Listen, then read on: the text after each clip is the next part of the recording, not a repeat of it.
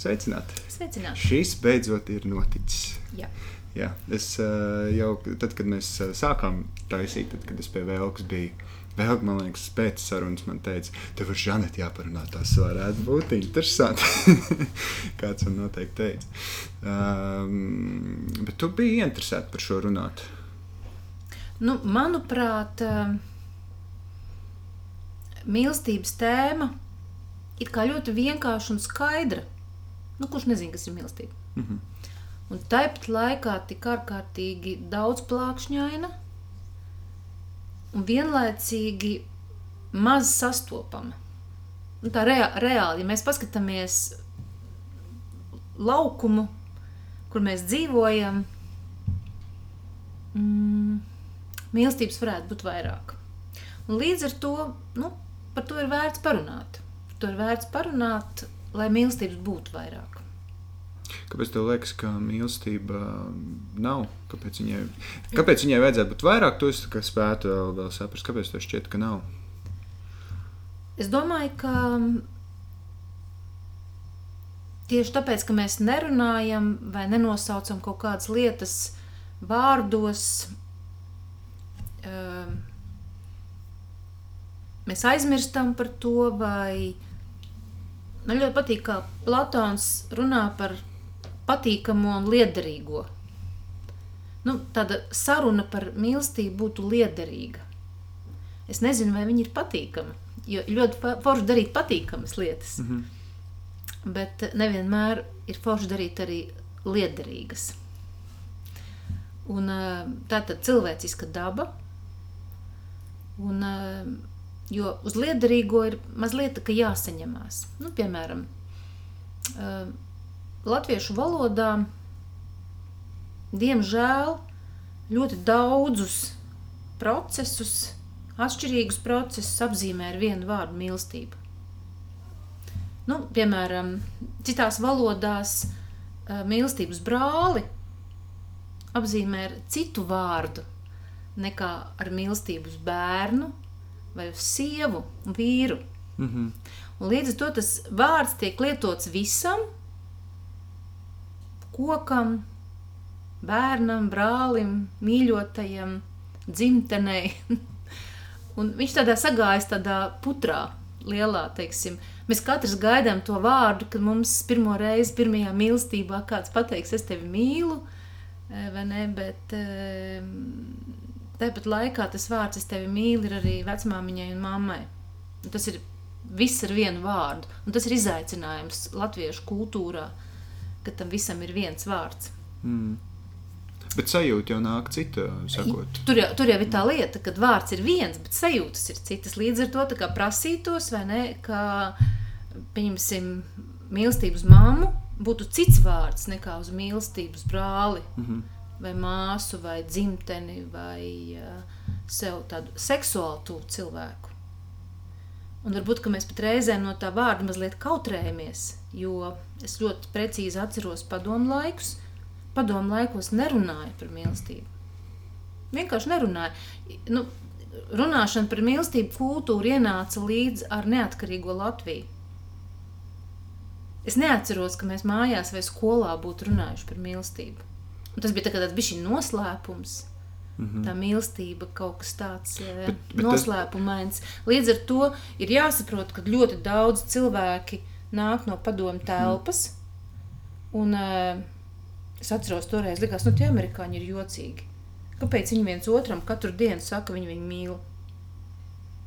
Nu, mm. man, un tāpēc arī mūsdienās varbūt tās um, mēs par maz runājam par mīlestību, par maz varbūt definējam tos dažādos mīlestības veidus.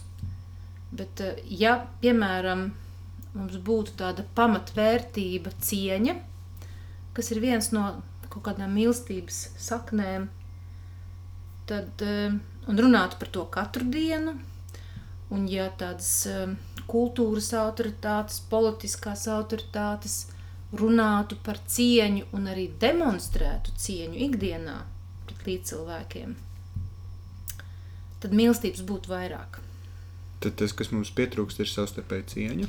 Es domāju, ka tur ir daudzas lietas, kas mums pietrūks. Mēs varam paņemt vārdu mīlestību un sapraperēt nu, kas īsti ir mīlestība, bet tas sākums, ko es gribēju teikt, ka, tā, ka ar to mīlestību apzīmē ar vienu vārdu dažādas sajūtas, un tas rada putru. Mm -hmm. Un tas otrs ir, kas ir mīlestības pamatā. Kas ir mīlestības pamatā? Un viennozīmīgi es uzskatu, ka mīlestības pamatā ir cieņa. Un, uh, ja mēs paskatāmies uz mūsu ikdienas dzīvi, nu, tās lietas, varbūt arī, ko es redzu, mēdīju vidi vai pieņemsim skolas. Pieņemsim tādu vienkāršu lietu kā izglītības sistēma un skolas. Un tur ir tāda savstarpējās necieņas aplis. Valdība neciena skolotājus un nedara to, ko sola, nepalielina algas. Nu, vispār neciena skolotāju pedagoģu darbu, un viņiem ir zems atalgojums. No tā savukārt izriet, ka skolēns skolā loģiski neciena skolotājs, neklausa, jandalē, un vēl trakāk vecāki nāk uz skolu mm -hmm. un loģiski neciena skolotāju, tāpēc, ka ir kaut kāda necieņas sakne. Ja? Un līdz ar to neveidojās pašā būtiskākajā sistēmā, valstī, izglītības sistēmā, tāds pareizs un cieņpilna cilvēciskā saskarsme. Par to būtu jārunā ikdienā. Vienkārši kā tāda, ka, ka vērtība ir cieņa, un, ka, un kā mēs šo likumu realizējam. Jo vērtība ir iemiesots tikums. Ja es vienkārši runāju par cieņu un to nedaru, nu, tad tā vērtība man nav aktuāla. Mm -hmm.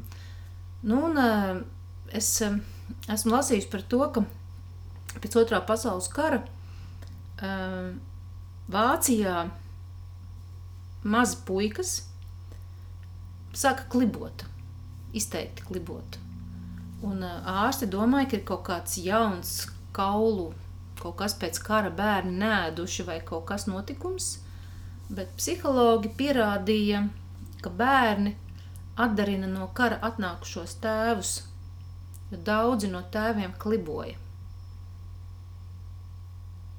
Un arī Sokrāts par to raksta vienās no savām pēdējām runām, ka tikumu neiemāca, tikumu atdarina. Un cieņa viennozīmīgi ir tikums. Um, kas, kas ir mūsu tēvi? Mūsu tēvi ir nu, vecāki, skolotāji, valsts vīri, kultūras inteliģence. Un mēs paskatoties uz šiem piemēriem, Latvijas piemēriem, nu, nevaram tā droši pateikt, ka vērtība cieņa vienam pret otru mums būtu ļoti, ļoti iedzīvināts kā tikums. Mēs varam atrast ļoti daudz piemērus, ka lieli cilvēki ar teikšanu un vārdu nerīkojās cieņpilni. Gan par likumu ievērošanu, ja iet runa, vai eh, nu jā, galvenokārt es domāju, ka likuma neievērošana ir necieņa pret citiem. Mm -hmm. Kas ir mīlestības sākums? Otra lieta Mīlestība viennozīmīgi ir pieņemšana. Tu, tu, tu sāc ar sevis pieņemšanu, tu pieņem, kāds tu esi. Un, ja tu pieņem sevi, kāds tu esi, tu atskārsti, ka tev ir brīnišķīgas kādas pozitīvas īpašības un talanti. Un pilnīgi visiem cilvēkiem, pilnīgi visiem, ir arī kaut kādas negatīvas īpašības, ko viņi nespēja, nevar. Viņi vienkārši to, nu, pēc, viņiem viņi tādi ir. Un tad tu pieņem sevi, tu centies, tu centies būt labāks, tu, tu, tu ej uz kaut kādu tādu, teiksim, pilnību, bet tomēr tu tā kā pieņem sevi. Ja tu sevi spēj pieņemt, tad tu pieņem arī citu trūkumus. Un tas viennozīmīgi arī ir mīlestības pamats, tā pieņemšana. Ļoti grūts darbs. Nu, augstākā, protams, stadija ir nevērtēt,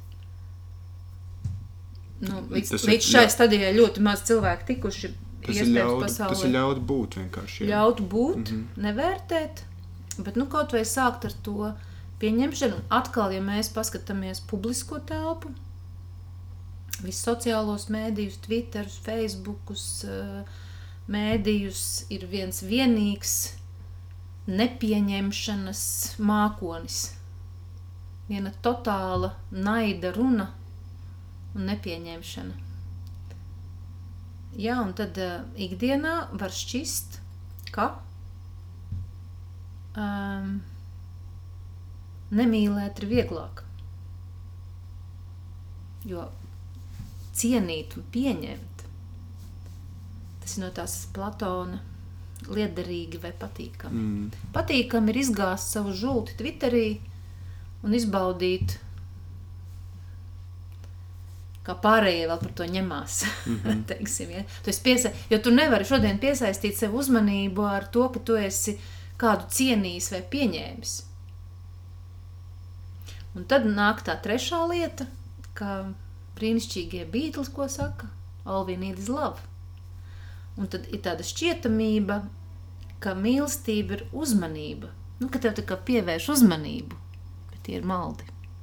Tie ļoti, ļoti lieli maldi.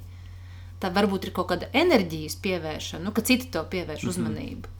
Bet tā nav mīlestība. Tā ir kaut kāda. Es, es saprotu, ka mīlestība ir enerģija, bet tā būtu tāda mīlestība ar mīnus zīmi. Ja mēs paskatāmies mūsdienu teiksim, laikmetīgā māksla, nu, ar ko tad laikmetīgā māksla vai modernā māksla pievērš sev uzmanību? Nu, ar kaut kādām negācijām, šausmām. Tad, tas nozīmē, ka tā var pievērst uzmanību, skandāliem pievērst uzmanību.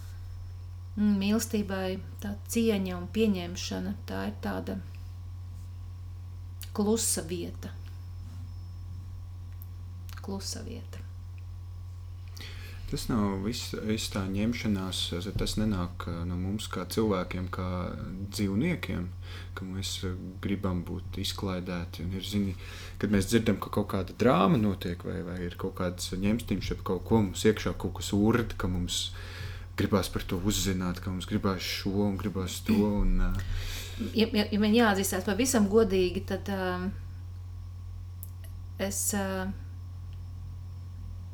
varu droši teikt, ka es nesaprotu cilvēkus. Nu, es nesaprotu, un, un tas man liekas, ir ļoti tāda godīga un vienkārša atbilde. Jo man patika viena Vjačeslava Šķējo lekcija, kurā viņš stāstīja par lielo sprādzienu, izplešanos, melno caurumu un tam līdzīgām lietām. Un teica, ka tas, ko mēs šobrīd zinām, par šo visu. Tad visas zināšanas, ko mēs esam ieguvuši skolā, visi zinātnieki, visi, visas pasaules zinātnieki, visu, visu, visu, ir tikai 5% no tā, kas ir. Mm -hmm. Līdz ar to mēs varam pieņemt, ka mēs par cilvēka dabu zinām varbūt kādus 5 līdz 7%, un pārējais mums ir neizzināms.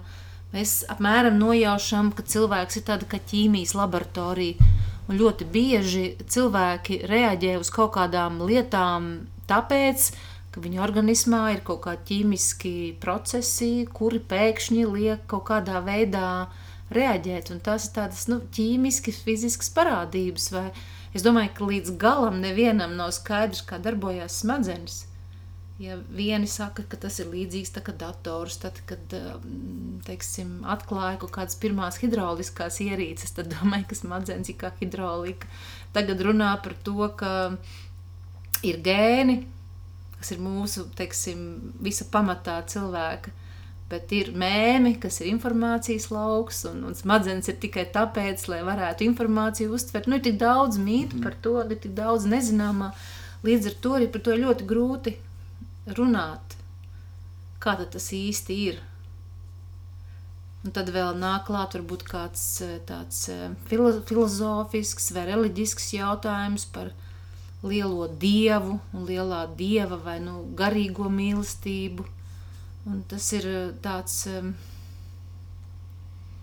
es teiktu, ļoti sarežģīts un vēl neizdibināms lauks. Es tā vienkārši par ikdienu. Mm -hmm. ikdienu cilvēki dzīvo kopā, ģimenē, kaimiņos, kopienās, pilsētās, valstīs. Un tad pasaulē, piemēram, šodien lielā vides tēma, ja cilvēki nespēs cienīt pasauli, kurā mēs dzīvojam, mēs visi aiziesim bojā. Pēc kādiem 40, 50 gadiem pārkarstot vai aizrijoties ar plasmasas maisiņu vai ķimikālijās. Un tā taču ir totāla sevis nemīlēšana. Mm. Necieņa. Necieņu. Tāpēc es lietoju to vārdu cieņa kā tādu pamatu, pamatu mīlestībai, par ko es esmu priecīga, ka tu par to vispār runā, jo par to ir jārunā. Ja, ja, ja, katru dienu Latvijas sabiedriskais mēdījis, Latvijas rādio un televīzija visos kanālos stundu runātu par veidiem, kā mīlēt un cienīt māmu, tēti, brāli, māsu, bērnu, dzimteni, un skolā būtu, nezinu, stunda. Nu, faktiski tā ir klases stunda, kurā būtu jārunā par cieņu un mīlestību. Ir jau klases, kurās runā. Jā, nu, bet tas, tam, tam būtu jābūt apmēram tā kā ēst. Mm. Nu, tā, nu, tā kā ēst. Tev gribas ēst, tu, lai varētu izdzīvot.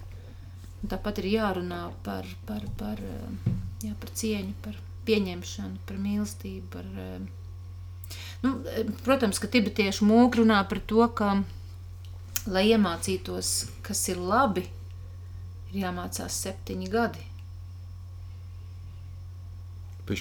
Baigi, nu tāda augstskola? Mans Doktors labestībā. Jā. Jo, protams, ka mīlestība ir laukumā labi. Mm -hmm. Laukumā labi Tas jā. pat tur nav jārēķina, jādomā, tu to jūti. Jā, nu, ir. tas, ir- tas ir tā kā sajūtiski, tas ir laukumā mm. labi. Bet atkal mēs atgriežamies pie tā patīkamā un liederīgā, ka labi nevienmēr ir patīkami, Mhm. bet liederīgi. Un tā izšķiršanās, kā atšķirt šo patīkamie no, no liederīga. Nu, pieņemsim, patīkami ir, nezinu, tur ilgi gulēt, nu, es nezinu, kaut kādas domas nāk prātā, mm, iedzert vīnu, neko nedarīt. Tas nav liederīgi. Mhm. Kā tev šķiet, kāpēc mīlestība mēdz būt nepatīkama? Kāpēc mēs, mēs par to nerunājam? Tā iemesla dēļ, ka tas mums ir bijis nepatīkami. Tāpēc, kad nepatīkama mīlestība, tas, ka tu tiec atraidīts. Un tur tas ir arī, arī cieņas tā sāpe. jautājums. Nu, es domāju, ka noteikti šķirties var cieņpilni. Mhm. Eh, Šķirties var cieņpilni. Un eh, izrunājot par to, ka um, ja otrs cilvēks godīgi pasaka, ka nav šī vilkme vai piesaiste vai vēlme būt kopā, tas otru cilvēku atbrīvo jaunām iespējām. Tad, tad vien tā, ka, nu, ka, ka tevi nemīl un ar tevi negrib būt kopā, tas noteikti sāp. Un otrs sāp, ka šis cilvēks it kā ir ar tevi kopā, viņš varbūt ir neusticīgs, ka, viņš, ka viņam nepietiek ar tevi, viņš vēl meklē kaut ko ārpusē, bet tagad jau mēs runājam par tādām, nosaukšu viņus tomēr par seksuālām attiecībām. Mhm. Tas, nu, tā ir tā mīlestība, kas ir starp vīrieti un sievieti, vai, vai starp diviem vīriešiem un diviem sievietēm. Bet nu, tās ir seksuālas attiecības. Mm -hmm. un, un, um, jo tāda varbūt mīlestība starp māti un bērnu un nemīlestība arī sāp, bet tā ir cita. Nu, tā, ne, bet tā arī ļoti, ļoti būtiska un svarīga ir, ko bērni ļoti pārdzīvo, ka viņi jūt, ka mamma nemīl vai tētis nemīl. Nedomājies, cik daudziem, cik daudzi bērni ir mums pazīstami bērni ar tevi. Viņš nekad nav saticies ar tēti, kas tā ir par totālu vīrieša nemīlestību. Nesatikt katru reizi dzīvē savu bērnu un neinteresēties, vai viņam ir maizes kumos. Un tā ir totāla nemīlestība. Un skaidrs, ka bērni, kuri nav redzējuši savus tētus un, vai mammas, un tā ir liela trauma. Tā ir liela trauma, kur varbūt nepastāst ikdienā, bet viņa ir. Ja, un par to eh, nu, man liekas, ka jā, par to ir vērts runāt. Par to ir vērts runāt. em, Mēs mā, par maz par to runājam. Viennozīmīgi par maz.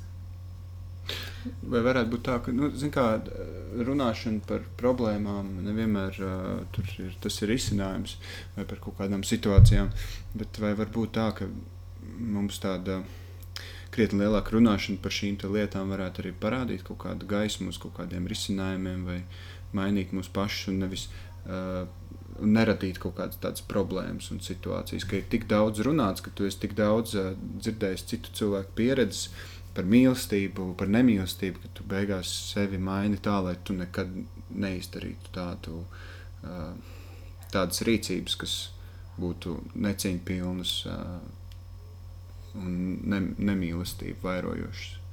Ja, nu, iedomājies tādu abstraktu leputriju,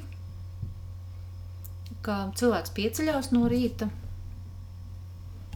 un nolēma, pieņem lēmumu šodien mīlēt visus un cenšas uh, visu dienu, katrā situācijā izvērtēt, nu, vai tas, ko es tagad daru, būs cieņpilni, pieņemoši, ar mīlestību.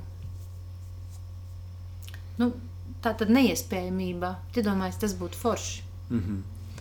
Vai, piemēram, ja, nu, tas jau varētu būt ticamāk, ka Tagad mums būs uh, prezidents, kurš zina no galvas satversmi. Un uh, tad satversmē nu, ir par to, ka vara pieder latviešu tautai un ka tā ir tautas labklājība. Tautas, tātad, kas ir tautas labklājība? Kas ir tautas labklājība? Un, un mēs ļoti bieži runājam par tautas labklājību tādās ciparu izteiksmēs, IKP uz iedzīvotāju vai ne pensijas, kas, protams, ir ļoti svarīgi, kas ir ļoti svarīgi, bet mēs nemaz nerunājam par uh, garīgo labklājību. Nedomājies, ka valstis ziņotu vienu otrai, teiksim, nu, prasītu tā, nu, kāds ir jūsu ekonomiskā situācija? Nu, mums ir tik un tik dolāri vai eiro uz, uh, teiksim, IKP uz iedzīvotāju. Bet kāds ir jūsu iedzīvotāju garīgais labklājības uh, līmenis? Un tur tad ir pauzīte, un vienīgais, ko mēs spējam pateikt, ka laikam mums galīgi nav labi, jo mums ir viens no lielākajiem pašnāvību skaitiem uz iedzīvotāju. Nes kāpēc vislielākais noslīkušo skaits, reibuma, alkohola un tā tālāk. Mēs skaidri redzam, ka kaut kas galīgi nav riktīgi. Mm -hmm. Un mēs esam pirmajās vietās, tādās beigas zīmīgās. Nu, tad, uh, varbūt ir jārunā, kas tad ir, kāds tad ir tas garīgais stāvoklis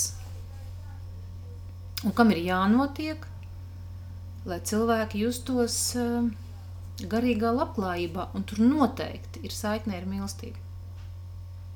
Cieņu, pieņemšanu, pašpietiekamību. Pašpietiekamība ir mīlestība uz sevi. Es mīlu sevi, es atzīstu sevi un godāju sevi un arī tāda pašpietiekama valstiskā apziņa ir, jā, mums ir visādi izaicinājumi, bet es mīlu savu valsti. Es viņu mīlu, tāpēc, tāpēc, ka tāpēc man tas ir svarīgi, un es šeit esmu piedzimusi, un es, te ir manas saknes, un es mīlu savu kultūru. Un tā ir, jā, tā ir tāda garīgā, garīgā labklājība. Vai tam visam, varbūt tiešām tam visam sakne ir uh, padomu laikā, kad par to nerunāja, un ka tas kaut kā ir iesakņojies? Nu, mēs esam jauni vēl. Mēs neesam tik ilgi. Neatkarīgi. Es kā vienu vien, vien no tādām varbūt līnijām vilktu to, ka um, jā, kaut kādas paudzes, nu, konkrēti manas paudzes, um, kā es saku, 55 plus minoritāte,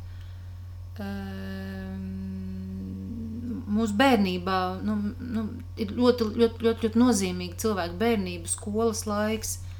Par to nerunājam. Mēs vienmēr atceramies to smieklīgo raidījumu, ka bija uh, centrālā televīzijā Krievijas pirmais tāds tilts Krievija ar Ameriku un Amerikas pusi. Un to tiltu vadīja Poznera žurnālists. Un, um, viena krievu sieviete piecēlās, tur kaut ko runāja par seksu un viņa piecēlās un tā pilnīgi pašapziņīgi, kā kārtīgi komjaunieti teica, es nezinu, kā jums tur Amerikā, bet mums padomu savienībā seks nav. Tas ir reāls notikums. Mm. Nu, un, un tā daudz arī domāja. Daudz, daudz domāja un, un, protams, ja mēs nevaram runāt par vienu no svarīgākajām, faktiski mēs runājam, mums ir pilni žurnāli ar ēdienu receptēm. mēs nerunājam par seksu, bet to mēs darām tikpat mm -hmm. daudz, cik ēdam. Nu, labi, šī mazāk, ja, bet... Mēs varētu vairāk katrā ziņā. Ja, bet, bet eh, man liekas, ka, nu, ka tas nav, nu, ka tā ir tāda tā ir arī ļoti svarīga mīlestības uh, forma. Ļoti būtiska mm -hmm. un ļoti svarīga. Un, uh, nu, man liekas, ka, ja mēs runājam, mēs runājam kaut kādā tādā ļoti īpatnējā veidā, bet uh, ja man atmiņa neviļ, bet man šķiet, ka uh, es kaut kur lasīju, ka cilvēks, kurš um, Amerikā izdomāja pretapaugļošanās tabletes, viņš eh, kaut kādā brīdī aizdomājās vispār par arī dažādiem seksiem. Un, uh, viņš saprata, ka seksam ir noteikti divas dabas. Nu, jo daudz dabas ir noteikti divas. Tā viena ir skaidrs, mēs abi ar tevi esam radušies seksa rezultātā. Mm -hmm. Mūsu vecāki mīlēja viens otru un um, radāmies mēs, bet otra seksa forma ir komunikācija un ka kaut ko briesmīgi pateikšu. Saki.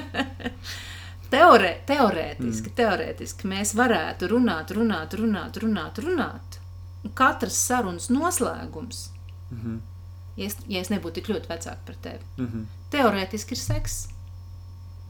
Nedomājies, meitene tavā vecumā, jebkurā bārā mm -hmm. vai vilcienā. Tas ir komunikācijas veids ka tu nodarbojies ar seksu, komunic, komun, komunicējot, kā komunikācijas veids, nevis ar domu radīt bērnus. Un tad, kad šis cilvēks to saprata, mm -hmm. viņš izveidoja pretapaugļošanās tabletes, lai būtu vieglāk komunicēt. Lai varētu to darīt, bet tā nebūtu sekas. Nē, un tad viņš nolēma, šis ir, šī ir komunikācija. Es ar tevi komunicēju tādā veidā. Man ir, man ir, es, es gribu izzināt tevi vairāk mm -hmm. un, un, un saprast tevi līdz galam. Pies, pieskārienu valoda. Jā, nu, protams, ka pieskārienu valoda finālā, bet es neesmu gatavs radīt bērnus un neesmu mm -hmm. gatavs uh, laulībai.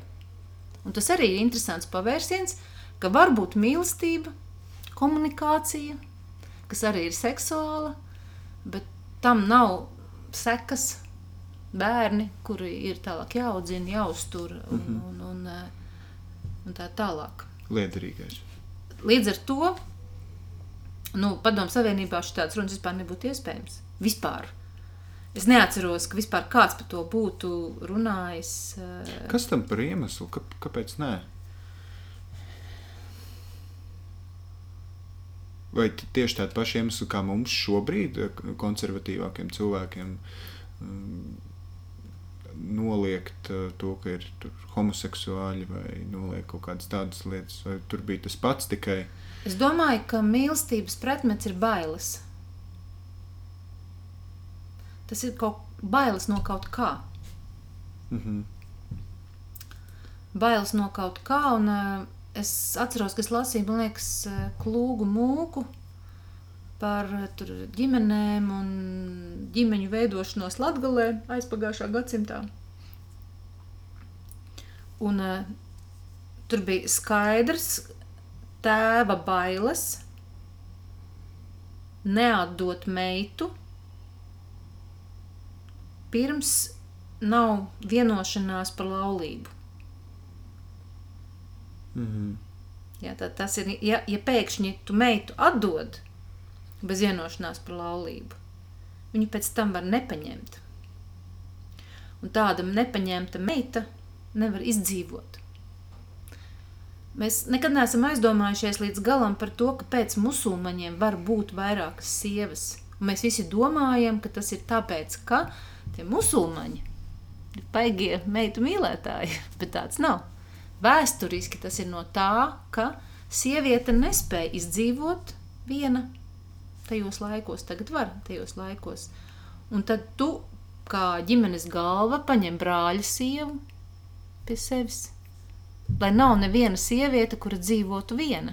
Mm -hmm. Tad viņas ir visas tavas sievas, tavā komunā, tavā. Jo tas, kādā veidā tu, tu, tu savienojies un rūpējies par šo cilvēku. Tā ir tad, nu, rūpes arī ir tāda mīlestības forma. Tu rūpējies, tu apsoli, ka lai kas notiktu, tev būs ko ēst, ko dzert, un tu būsi pie vietas. Un ka tās kaut kādas bailes, kas ir gadsimtiem izveidojušās, ka, ka tā brīvība visā šī dzimtu, bērnu, ģimeņu lietās, ka tur ir kaut kāda bīstamība. Ka tur ir kaut kāda bīstamība. Bailes. Es domāju, jā, ka tās ir bailes. Es, mm, grūti man ir definēt, kas tās ir par bailēm, bet viennozīmīgi es zinu to, ka, ja tev ir kāda cilvēka ir attiecības un tev ir bail, tā noteikti nav mīlestība. Mīlestība nebaidās, un tas ir brīnišķīgi atspoguļots Bībeles kauns prediķī. Mīlestība nebaidās. Jā. Kur, kādā veidā šeit, tajā par tiem pretmatiem runājot, šajā spēlē, kur ienāk naids? Vai nai, tad naids sanāk nav pretējs mīlestībai? Varbūt arī, viņš ir turpat kaut kur stuvu tāvos, jo man liekas, ka varbūt tāda bai, baiļu forma ir naids. Mm. Um, nu, katrā gadījumā uh, naids ir no, rodās no tādām pāri darījumām, pāri darījumam, ka nemīl jo tas jūtas tik ārkārtīgi spēcīgas, eh, ka nu, ja tā, tā, tad tu tiec nodots, atstumts, tevi nemīl, un tad rodās šis, eh, šis naids. Jā, es domāju, ka mīlestībai ir tāds vairāki pretmeti, tāpat kā tā viens vārds mīlestība, bet viņi ir vairāk, vairāk, daudzšķaitņaunāk, bet savukārt ja tu cieni, un tev ir tāda liela cilvēku mīlestība, tad tev tas naids nevar rasties. Man reiz dzīvē bija gadījums, ka es biju uh, sadomājis uzsākt kopdzīvi ar kādu no saviem draugiem. Bija atnācis Jūras Rubens ciemos pie mums. Un uh, viņš teica, bija interesanti to domu, ko es vienmēr atcerēšos. Viņš teica, ziniet, starp jebkuriem diviem cilvēkiem, kuri mīl cilvēci un cilvēkus, viņi var dzīvot kopā. Cilvēci un cilvēkus var dzīvot kopā. Nu, jā, mēs, mēs arī, protams, mūsdienās daudz pievēršam vairāk lomu tām visām jūtām, savjūtām, emocijām, kaislībai, Jo, nu, atkal, ja mēs skatāmies agrākus laikus, tad eh, nu, pirms pat simts gadiem, vai pat šodien Indija un Ķīna, nu, vecāki nolemj, nu, kad mēs esam divas beigas foršās ģimenes un dzimtas, man ir meita, tev ir dēls, un savienosim viņus laulībā. Nu, tad vienīgais veids, kā izdzīvot, ir šī cilvēku mīlestība, cieņa. Ja, un, jā, un tad tas jautājums, nu, bet, nu, kā tad tā bez mīlestības? Mm -hmm. Ne? Bet nosacīt viņu jau mīl kā cilvēku. Un iespējams, ja tajā saknē un vērtībās ieliek to cilvēku mīlestību un cieņu, tad varbūt arī tāds naids vai bailes nerodās. Kaut gan droši vien, ir tā, ka eh, nu, mēs dzīvojam tādā duālā vidē, labs, slikts diena, nakts, kad ir gan, gan, gan, gan, tā, gan mīlestība, gan nemīlestība. Drīzāk varbūt kā, kā spēt pieņemt tās situācijas un kā saredzēt tās jaunās iespējas, kā iziet no šīs situācijas. Tāda varbūt spēja, jā, spēja iziet.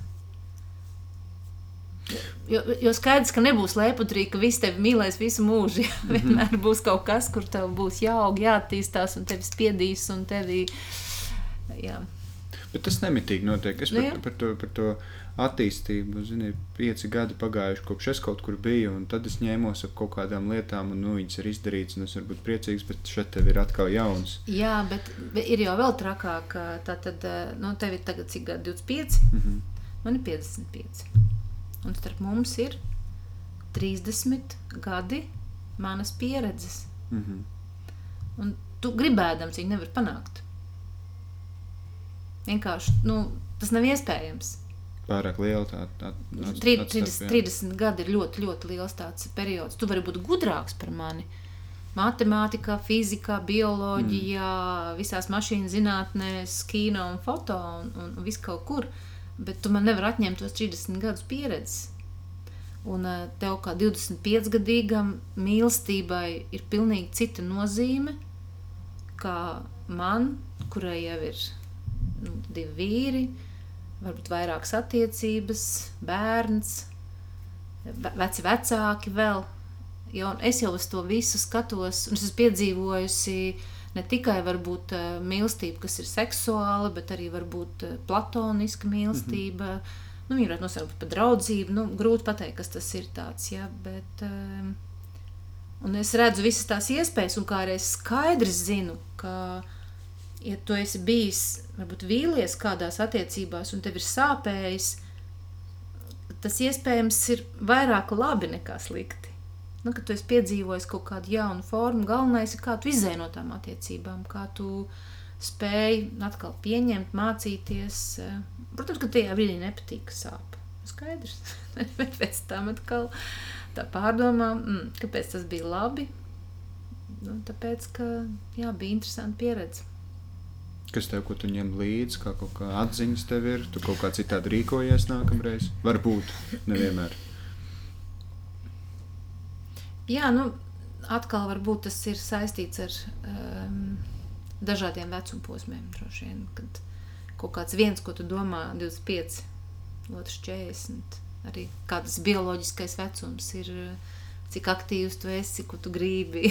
un, un uh, jā, tas enerģijas daudzums, varbūt, kas tev ir. uh, Ja mēs te sēdētu blakus, varbūt mana māma, kur ir 82, viņa vispār teikt, nu, klausieties, nu, par ko jūs te Mhm.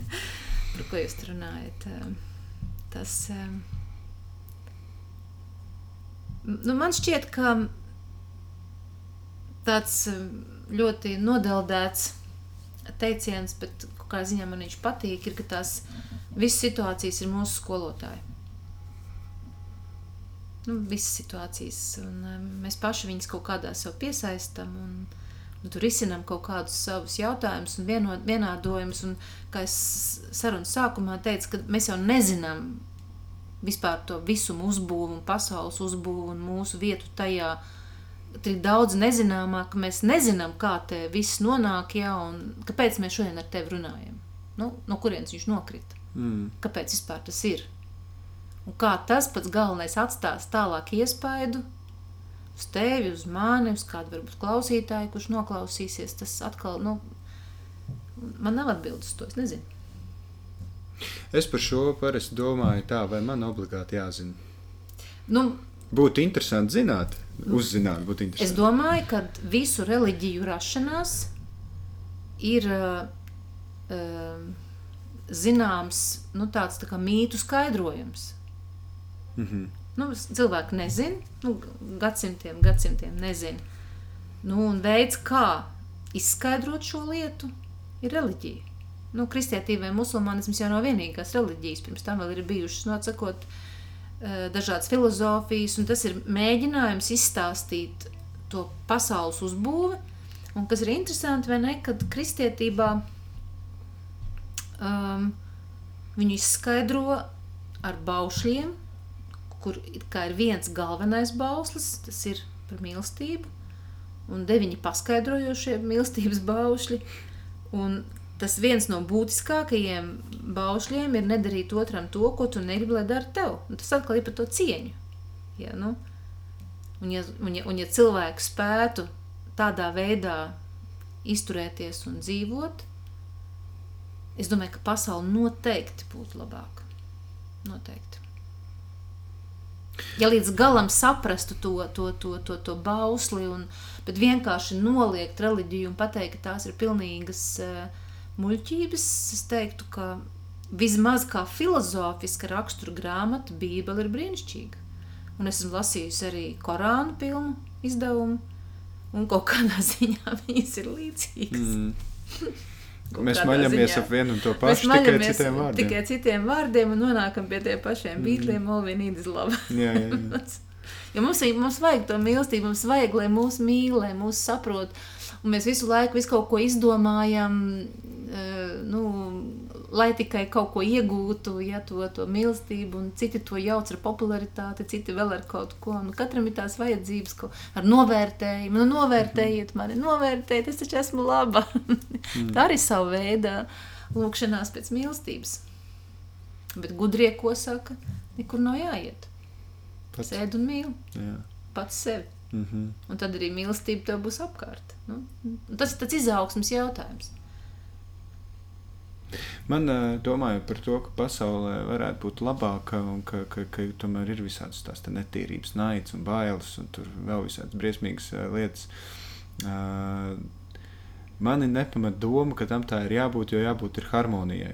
Tas, ka mums acīm redzams, šķiet, ka pasaulē ir ļoti slikta vieta un briesmīga vieta, kas nav daļai nav melots. Mēs to visu redzam, ziņas par to runā visu laiku, mazāk par labajām lietām, kas notiek. Uh, Mēs vienkārši neredzam tās labās lietas, bet, ja mēs vilktu kaut kādu statistiku, ko mēs nevaram, protams, nekādā veidā izdarīt, prasītu, nezinu, vai diez vai prasīt cilvēkiem, bet vērtēt, vai viņi ir labi vai viņi ir slikti pēc kaut kādas interesantas skalas un vērtēt notikumus, mēs nonāktu pie pie attiecības, ka 50% pasaulē viss ir labi, kaut kur sadrumstalot, protams, un 50% viss ir slikti. Tad tur tas viss tur visu laiku viens pret otru sadarbojās. Es neatceros tās filmas nosaukumu, bet uh, filma bija par to, ka nu, jā, tur cīnās labie ar sliktajiem, un ka visu laiku tā kā labie grib būt pārsvaru 51%. Ja, viņi visu laiku tur cīnās, mm -hmm. kādā veidā to izdarīt, ja, lai, tas, lai, lai tas labais pārsniegtu to 51%. Nu, gribētos cerēt, ka, mm, ka labais ir mazliet vairāk nekā sliktais. Bet es jau teicu, ka mēs dzīvojam duālā pasaulē, un, eh, protams, ka jā, tā ir tikai tāda pieņemšana. Tā, tā arī ir pasaules mīlestība, pieņemšana, ka tā tas ir.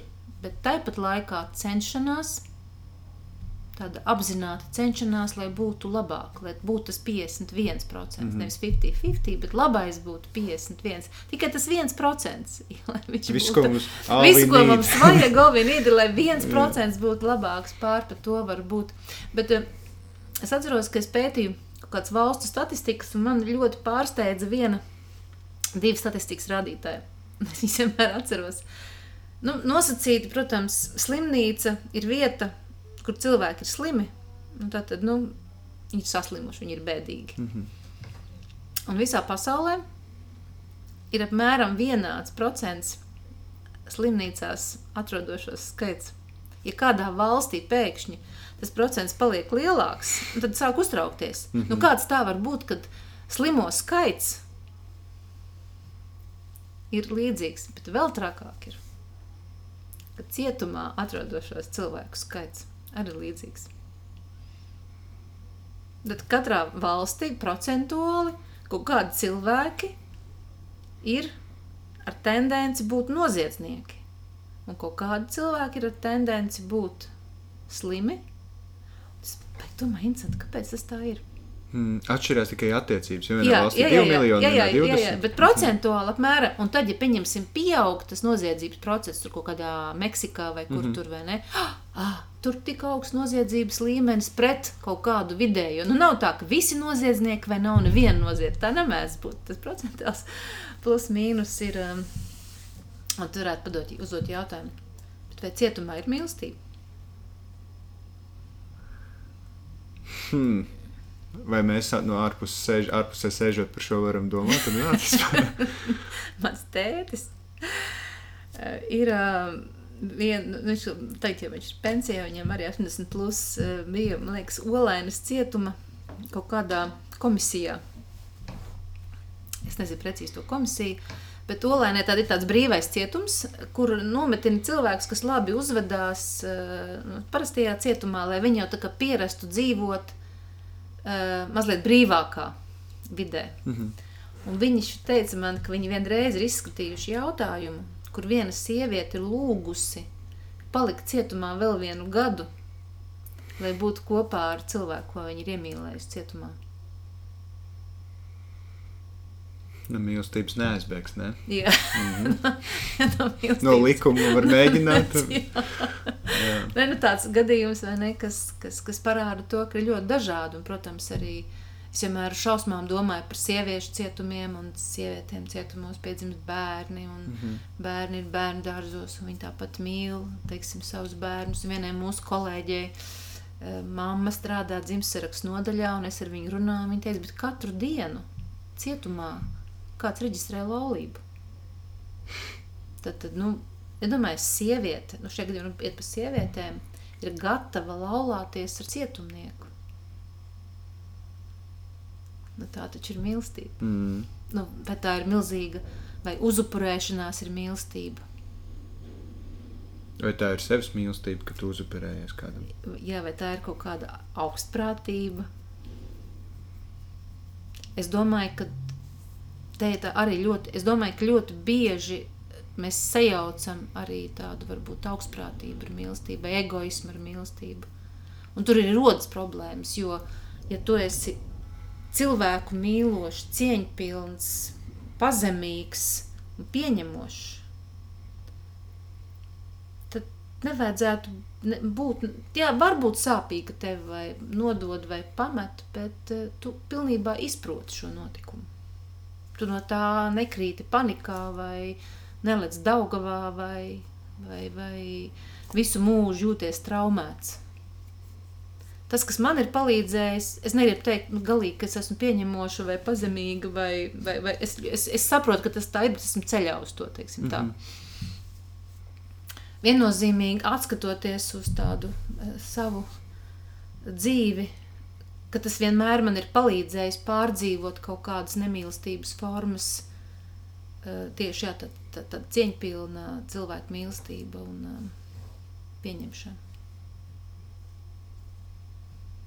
Palīdzējis, jā. Mm. Bet, protams, ka tik un tā ir kaut kādas bailes, kuras, uh, kuras no sāpēm, ko ir radījis nemīlestība, es nedarītu. Es gribu bail. Kā jau es teicu, ka mīlestība un bailes neiet kopā, viņas ir pretmeti. Kur ir bailes, tur nav mīlestības notrādāk.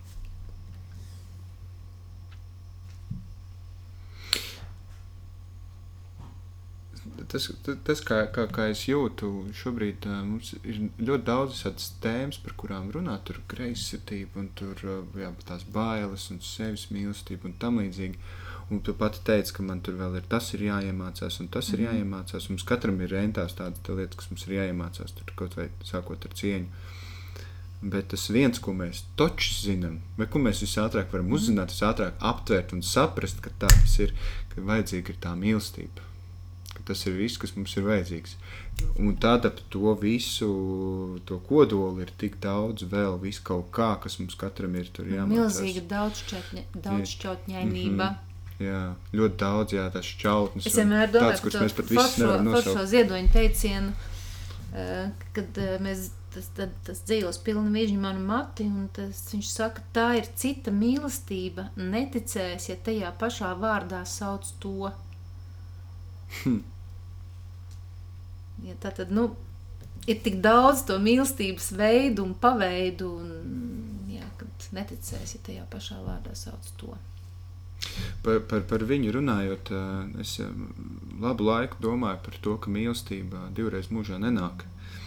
Un es nu, tāds apcirties biju, nu kā nenāk, es taču tur esmu viena, tad tur vēl kāds, vēl tur kāda platoniska mīlestība, mm -hmm. kā nenāk. Līdz es aizrakos līdz tam, ka viņa, ka tas jau tur jau runa nav par cilvēkiem, bet par to pašu to visvieglāk jau būtu nodefinēt, ka tas ir kaut kāds tēls vai ka tā ir enerģija, kas atnāk, ka viņi atnāk. Tagad viņi ir. Šis ir tas brīdis, kad tu vari nosaukt, kas tas ir. Un, tad, un tā ir tā visa lielā mīlestība, un tu ar viņu vari dalīties un pievienot viņai. Un tas nav par cilvēku vai par kādu citu taustām būtni, bet par to visu, visu, visu kopumu, kas pie tevis ir atnācis. Tad nu, viņi ir tādi, viņi ir, un viņi būs uz visu mūžu. Samierinies, pieaudzē kaut ko, atņem kaut ko, lietas klāt, ņemies ap to visu vienu. Es esmu ļoti daudz domājis par šo teicienu. Un, uh, mēs arī Ziedoņa muzejā mums ir tādas uh, nu, krekliņi ar dažādiem ziedoņa citātiem. Es parasti izvēlos šo krekliņu, bet man nav atbildes šo jautājumu. Es skaidri zinu, ka tādā izpratnē, kā nu, teiksim, dzīves partneri, es pirmo vīru mīlu tikpat ļoti, cik otru. Mm -hmm. Un es nevaru, es vienkārši man ir divi vīri, skaidri zinu, ja, teiksim, nu, kas ir interesanti, ka es pirmo vēl joprojām mīlu savā veidā, jo viņš ir brīnišķīgs cilvēks, brīnišķīgs tēvs manai meitai Maijai. Un es nevaru teikt, ka nu, tagad, kad otrs vīrs, kas viņu, tagad, es viņu arī ļoti mīlu, bet es mīlu abas. Ja, līdz to tas nu, uzraksts galīgi neiet kopā ar, ar tām mhm, sajūtām, mhm. kas man ir, un tas man ir skaidrs, teiksim, vai, vai um, es. Varbūt, kad Imants ar to mēs viņam nevaram pajautāt, tagad viņš ir aizgājis. Kaut kad vēlāk pajautāsim. Nu, kaut kad vēlāk mēs viņam pajautāsim, kad viņš atnāks. Es domāju, ka varbūt ka viens tāds veids, ko Imants ir domājis, var būt jo viņš ir ļoti daudz par to citās sarunās minējis, ka mums katram ir kaut kāds mūsu aicinājums vai misija, kur Imants saka, nebaidies, tevi nevar norīt, jo tev ir uzdevums. Un tas uzdevums vai tā misija ir tas viens. Un katram mums viņš ir tas viens. Un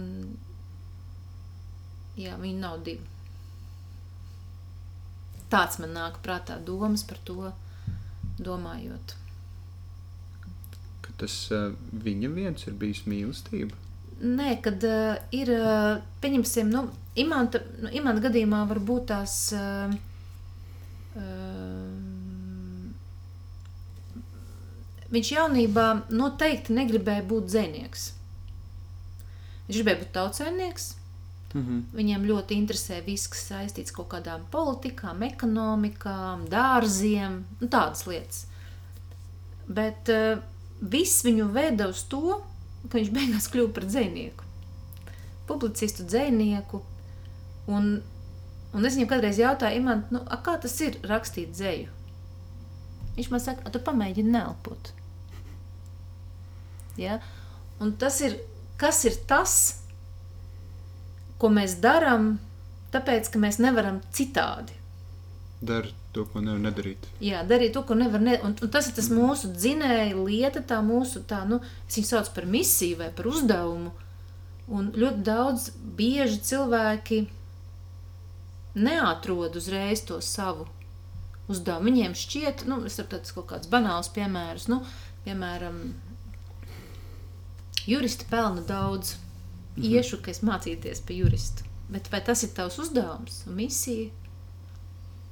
Tas ir tas būtiskais, atrast, nu, ja, ja tu patiešām esi misijā, jurists aizstāvēt taisnību, godīgumu, likumus. Tas ir tas, ja, piemēram, skolotājs, cik daudz skolotāju brīnišķīgi Latvijā es esmu redzējusi ka viņam, viņš vienkārši deg par to skolu. Viņam ir svarīgi, kā bērns attīstās un viss, kā viņš izaugs un kā tas tur notiks. Un ir skolotāji, kur, nu, kāpēc viņi tur ir? Paši nesaprot. Paši īsti nesaprot. Tāpat par ārstiem var runāt, nu, un tā tālāk. Mm. Un, un ka tā ir tā būtiskā tā lieta, tā tavas dzīves galvenā patikšana. Mm -hmm. Jo viennozīmīgi vārds patikšana arī ir mīlestības forma. No patikšanas uz patikšanu. Kas ir tas, ko man patīk darīt? Un eh, vienā tādā zinātniskā konferencē par muzejiem, par muzeju nākotni un attīstību, viens uh, zinātnieks stāstīja par to, kādas ir atšķirības. Tagad daudz runā par paudžu atšķirībām, beidzot saprot, ka paudzes atšķirās, ka katram ir savi mērķi un uzdevumi paudzē. Un tur bija, nu, teiksim, mana paudze, ar ko atšķirās no tavas paudzes. Tev izstāstīšu. Nu, teici, nu man daudz. Jā. Mūsu paudze, iespējams, ir saistīts ar pēckaru vai ar padomu laikiem, ļoti daudzas lietas dara tāpēc, ka vajag. Mhm. Un noteikti vārds vajag nav mīlestības vārds. Vajag. Vajag nozīmē, ja man nepatīk, es to daru. Jūsu paudze dara tikai to, kas patīk. Tā ir milzīga atšķirība. Jo, ja mēs gājām uz muzejiem, teiksim, uz kara muzeju, tāpēc, ka vajag, Mhm. un mēs gājām uz kinolektoriem, un skolotāji teica, iet, un mēs gājām. Mūsdienās, ja muzejs un skolotāji neizdomās, kā izdarīt tā, lai jums patīk, jūs to nedarīsiet un nemācīsieties. Jo kāda jēga? Jā, jo kāda jēga, ja, ja, ja nepatīk, vai ne? Mums nebija tādu jautājumu. Ir jāiet, jāiet. Bet, bet tas ir par to, eh, par, arī par to, nu, ka es nevaru nedarīt šo. Šis man tā patīk, es nevaru citādi. Jā, bet uh, mums nebija tāda jautājuma. Mums ļoti maz jautāja par to, kas patīk. Tagad Mm. visi jautā, kas tev patīk darīt. Jautājums ir, vai. Un eh, patīk noteikti ir mīlestības vārds. Kā, kā mēs, eh, nu, mēs redzējām, kā vecā pasaule strādā, vai kā vecās paudzes šo pasauli virzīja, mēs redzam, kā, kā ir bijis un kā ir sanācis. Un tas ir darbs visiem, daudz mums kaut kā, visiem ir kaut kādas naudiņas. Kas būs tagad, kad visi darīs to, ko patīk darīt, nevis to, ko vajag darīt? Nu šeit es uzticos uh, dabai un pasaules kārtībai, ka daba un pasaules kārtība saliek uh, tā, kad ir proporcionāli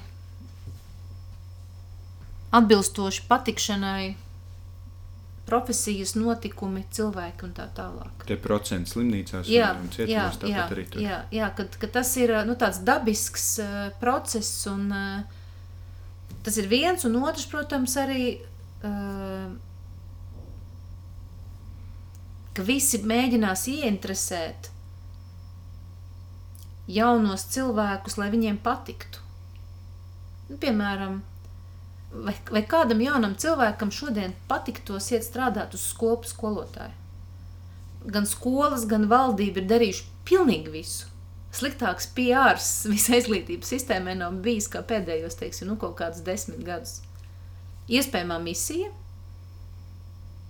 tas pats tāpat izglītība, kaut kā izdara tā, ka cilvēki piesakās konkursā, mm. lai būtu izglītības tāda iespējamās misijas skolotājs. Ka tas patīk. Tas ir izaicinājums, tas ir mācīšanās, tas ir jaunas formas, jauni veidi. Ja tas nozīmē, ka tas ir kā, kā, tu, kā, tu, kā tu pozicionē sevi un kā tu teiksim, stāsti par sevi. Latvija, lai Latvija būtu IT lielvalsts, ir vajadzīgi 3000 absolventu IT nozarē. Šobrīd ir 1000. Un tas, ko mēs redzam, kad universitātes sāk runāt par to, cik forši ir būt IT nozarē. Nu, viņi tur māna ar lielākām algām un tam līdzīgām lietām. Un kaut kā jauniešiem ir sāk likties, jo viņi visi lieto internetu un, un, un, un, un ierīces. Kāpēc ne? Mm. Nu, tas ir interesanti. Man tas patīk. Jā, tas, tas, un, un tā noteikti ir mīlestības valoda. Patikšana un darīt to, kas patīk. Tas neizslēdz to, ka tajā patikšanā tu varbūt nu, neievēro to savu dzīves uzdevumu. Bet noteikti patikšanas plūsmā tu pietuvojies tam savam dzīves uzdevumam. Vajag posmā, tu paliec tajā vajag kastē. Jā. Tā ir. Es uh, kopš 12. klases cenšos darīt to, kas man patīk. Ar, un vienmēr esmu turējis sev prātā, ka vajag darīt kaut ko tādu, lai varētu nopelnīt, lai varbūt tur tam iedot, tur mammai iedot, tam iedot, palīdzēt, uzcelt kaut ko un domājot par to, ko vēl darīt tā, lai nopelnītu krietni vairāk. Uh, kopš 9. klases es uh, rakstu, sākot ar literatūras stundām un tam līdzīgi. Un tikai šogad es sapratu, ka tas ir uh, tas, ko es neesmu, tas ir tas, ko es nevaru nedarīt. Lai cik man smagi nāktu šo te atzīt, man, ļo, man ļoti patīk, uh, reizēm sanāk, gan jau tas nav būtiskākais, bet es jūtu, ka tas man ir jādara. Bet es zinu, ka es arī nevarēšu nopelnīt. Uh, varbūt varēšu, kas zina, visādi jau notiek, bet uh, no šī punkta skatoties, nesanāks izdarīt to, ko es varētu izdarīt tajā nozarē, esot vai tajā nozarē, esot. Tad pat laikā es saprotu, jā, bet tās acīm redzot, nav manas nozars. Bet kā tu domāji, vai Harry Potter uh, rakstniece, kad rakstīja Harry Potter, viņa domāja, ka viņa varēs nopelnīt? Diez vai? Kas vispār zināja? Nu, Cik, jā, viņ, cik viņu atmet atpakaļ, ka, ka viņi gāja rādīja, pasties, kas man ir. jā, to mēs nezinām. Jā, to, ne, jā, to, Jā, protams, to, to, nezinu. to, mēs nezinām, un tu jau arī nezini. Jo, ja, ja tev ir tā, ka tu nevari nerakstīt, tad vienīgais veids, kā uzzināt, ir rakstīt. Nu, un, un tas, kas ir pilnīgi skaidrs, jāsaprot, ka eh, jā, būs visādi šķēršļi, kuri to pārbaudīs. Nu, vai tu patiešām gribi rakstīt? Mm. Nu, bet varbūt tās, ka tu būsi uzrakstījis kaut ko tādu, kas vēl nebūs pavisam tāds nu, izcils, un tev teiks, mm -hmm, bet varbūt pamēģini vēl. Jā, un, nu, tā kā izšāva pirmo, protams, tā ir liela veiksme. Un, um, jā. Un tad atkal par to, ja mēs runājam par tie tibetieši tos septiņus gadus mācās, kas ir labi, tev šķiet, ka tas galīgi nav labi, ka tev atmet atpakaļ to darbu, bet īstenībā tas ir labi, jo tu pilnveidojies. Ja, vai arī kas ir tā cieņa un mīlestība, tev var būt šķiet, ka tevi nemīl, bet tāpat laikā iedziļinoties dziļāk, tā ir milzīga mīlestība, ka tev kaut ko neļauj, vai nedod, vai uh, krāpj. Ja domājies, ka tev šķiet, ka tevi krāpj, tas taču ir šausmīgi nemīlestība. Mm -hmm. Bet tādā varbūt nu, globālākā visuma skatījumā, visums tevi ļoti mīl ar šo situāciju, un viņš tev glāb no kaut kādas citas situācijas. Tā ir tā šķietamā mīlestība, un, un tad, kad iedziļinās, ir vēl kaut kāda cita tālāka, lielāka, nesaprotamāka. Mm. Un, un tad tā ir tā, kā es saku, tā pieņemšana, spēt pieņemt visus notikumus, jo tie ir tāda visuma mīlestības radīti. Un ir ļoti viegli pieņemt notikumus, kur ir pozitīvi, vai ne tik sāpīgi, bet ļoti grūti pieņemt notikumus, kur ir nepatīkami. Tā, tā ir tā augstākā mīlestības spēja, ka tu nu, uzticies visumam, ka tā tam ir jābūt. Jo mīlestība noteikti arī ir uzticība. Esmu lasījis par to, ka sievietes lielākoties uh, ir gatavas nu, kā laulāties, ja viņas saprot, ka var uzticēties. It kā mīlestība un uzticēšanās nav viens un tas pats, it kā, bet tāpat laikā ļoti, ļoti svarīga sastāvdaļa. Bet uzticēšanās arī nu, tādā, ka es pieņemu, ka mans vīrs, tas, ko viņš darīs, es tam uzticos. Tā kā viņš to darīs. Un, ja tu sāc tur kaut ko korrigēt, nu, kāpēc tu tur ne tā vai šitā nu zāģēt, Mm -hmm. tas nozīmē, ka tu neusticies. Jo uzticība jau nav tikai vai tu piekrāp ar kādu citu cilvēku. Uzticība arī ir, ka tu uzticies tam, kā tas tiek darīts. Un Tā viennozīmīgi ir mīlestība. Mm. Nu, klausies. Skaisti. Viņš par to varētu runāt, man liekas, bezgalīgi. Tāpēc, ka tās šķautnes ir. ā, Tas šķautnes ir nu, tik ārkārtīgi daudz, ka mm. tu ņem, ko tu gribi. Tu viņu var apskatīt no visām pusēm. Un, uh, ir mīlestība, nav mīlestība, ir cieņa, nav cieņa, labi, slikti. Es dzīves, līdz dzīves beigām vēlams kaut kādās pēdējos piecos gados gribētu, es nezinu, ko es vēl darīšu turpmāko visu savu dzīvi, bet pieņemot, ka turpināšu meklēt, cik daudz šķautņu šim ir, es gribētu salikt to lielo puzli kopā. Cik nu viņam ir salikti un cik nu es esmu dzirdējis, cik es Nu, esmu jā, bet redzējis. tie ir tie 95% nezināmā. Tad, kad es šo sapratu, to šķēju teicienu par 90%, kam, ko mēs nezinām, man palika vieglāk dzīvot. Es domāju, kāpēc agrāk man viens to nepateica. Visums negribēja to pateikt. Jā, Viņš tev vis- viņš man mīlēja. Viņš, Varbūt tu nebūtu, ja tu to zinātu, ko, varbūt tu daudz ko nebūtu izdarījis. nu, varbūt, nu, varbūt, jā, bet uh, man palika tik daudz vieglāk dzīvot, kad uh, mēs tikai zinām 5%. Nu, ko, mēs, ko mēs vispār saprotam? Mēs tikko, kā mēs varam spriest par kaut ko, ja mēs zinām tikai 5% no notiekošā, un 95% joprojām ir slēpti. Bet par mums pašiem. Kāpēc mēs nezinām? Viņš neteica. Es domāju par to. Nu, viņš tajā lekcijā viņš teica, ka tā ir nu, attīstība. Nu, ja mēs pieņemsim, pieņemam, ka kaut kādā 1500. gadā mūsu ērā ra radās tikai zinātne. Nu, kad cilvēki sāka zinātniski skatīties uz kaut kādām lietām, tad sanāk, ka tikai 500 gadus zinātne ir attīstījusies. Nu, kas ir salīdzinoši nu, nelielu laiku pret kaut kādiem miljardiem gadu. Nu, Ehm. Un varbūt arī ir tā, ka man, es nezinu, vai tā ir patiesība, bet es kaut kur esmu lasījusi par to, ka indiāņi Amerikā neredzēja Kolumba kuģis, ka viņi atbrauca. Jo viņi nezināja, ka tāda vispār var būt.